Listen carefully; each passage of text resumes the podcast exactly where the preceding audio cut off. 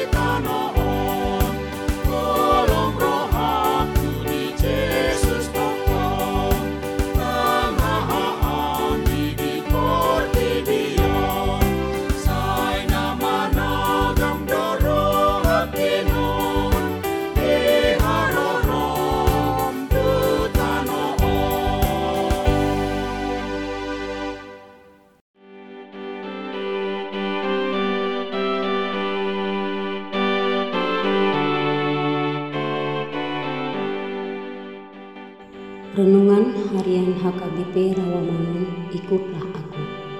Jumat 15 September 2023 Dengan judul Menjadi Pribadi Kristen yang Sejati.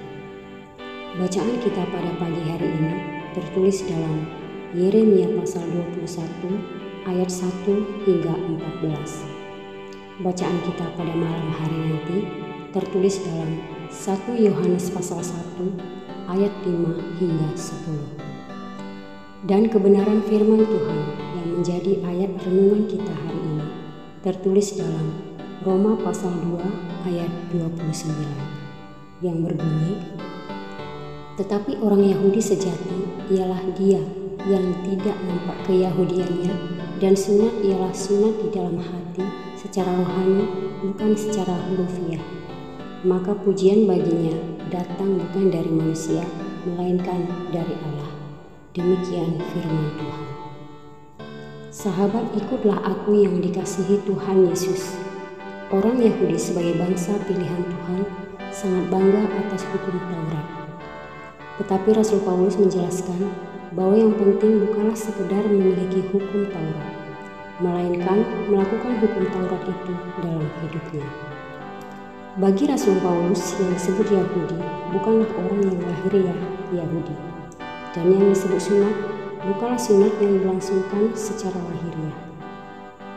Tetapi orang Yahudi sejati adalah dia yang tidak menampakkan keyahudiannya dan sunat adalah sunat di dalam hati secara rohani bukan secara fisik. Penerimaan hukum Taurat dan sunat justru sebagai alat di mana Allah menyatakan kasih karunia-Nya dalam hidup orang percaya sehingga memiliki hidup yang berdampak pada banyak orang serta menyatakan keberadaan Allah kepada banyak orang. Renungan ini mengajak kita untuk menyatakan tanda-tanda sebagai orang Kristen, tetapi yang lebih utama adalah menghidupi tanda-tanda sebagai orang Kristen lebih utama untuk dinyatakan melalui gerak hidup kita.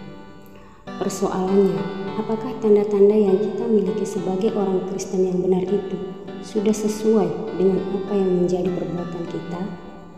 Seindah apa pun kita mengenakan kalung salib, tetapi jika kita berperilaku tidak baik, tentu akan menjadi batu sandungan.